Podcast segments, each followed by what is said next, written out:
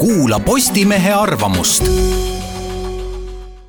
Postimehes kahekümne üheksandal oktoobril kaks tuhat kaheksateist.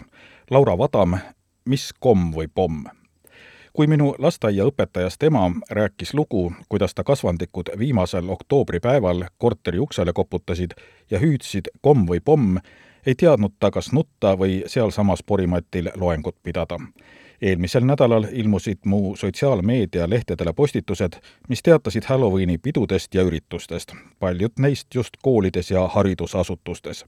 muidugi on tore, et lastele ja noortele üritusi korraldatakse ja üheskoos miskit ette võetakse, kuid leian, et oleks tähtis seesugust angloameerika kultuuriruumist pärit püha pidades süüvida, õpetades Halloweeni ajalugu, mõtet ja tähendust, mis ei tugine vaid hirmule ja maiusele kolmapäeval saabuva Halloweeni tähistamine on Eestis aasta-aastalt ulatuslikum. kui paljud meist teavad, mida see kommertslikuks muutunud püha tegelikult tähendab ja kuidas nii mõnigi seda siiani tähistab?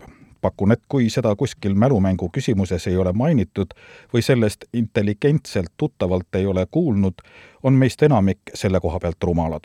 Hollywoodi närve kõditavaist temaatilistest linateostest neid teadmisi ei ammuta kristlikust pühast, mis on olemuselt surnute, sealhulgas pühakute, märtrite ja usklike mälestamise päev, on kujunenud kommertspüha, mis tugineb hirmule, pimedusele, kommile ja pommile. Ingliskeelne trick or treat ütleb, kui kommi ei anta, vastame väikese nalja või rumala viguriga.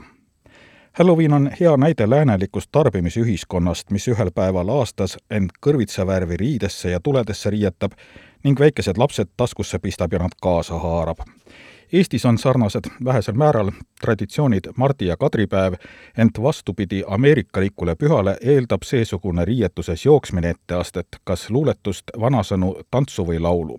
peale selle tuuakse majarahvale kamaluga õnne mis oleks, kui lapsed hüüaksid uksest sisenedes üksnes vili või pomm ja nõuaksid selle eest paki Kalevi pralineekomme? kas asjade saamine ongi nii lihtsaks muutunud? vaid küsi ja sa saad küsin kommi ja seda mulle ka antakse, kui mul on vaid hirmus kostüüm seljas ja need kolm sõna poetan. Kultuur ja kombed muidugi muutuvad ajas, kuid eestlasena võiksime ikka teada, et toit ja asjad ei tule nii lihtsalt ning kui tahad saada, pead oskama anda.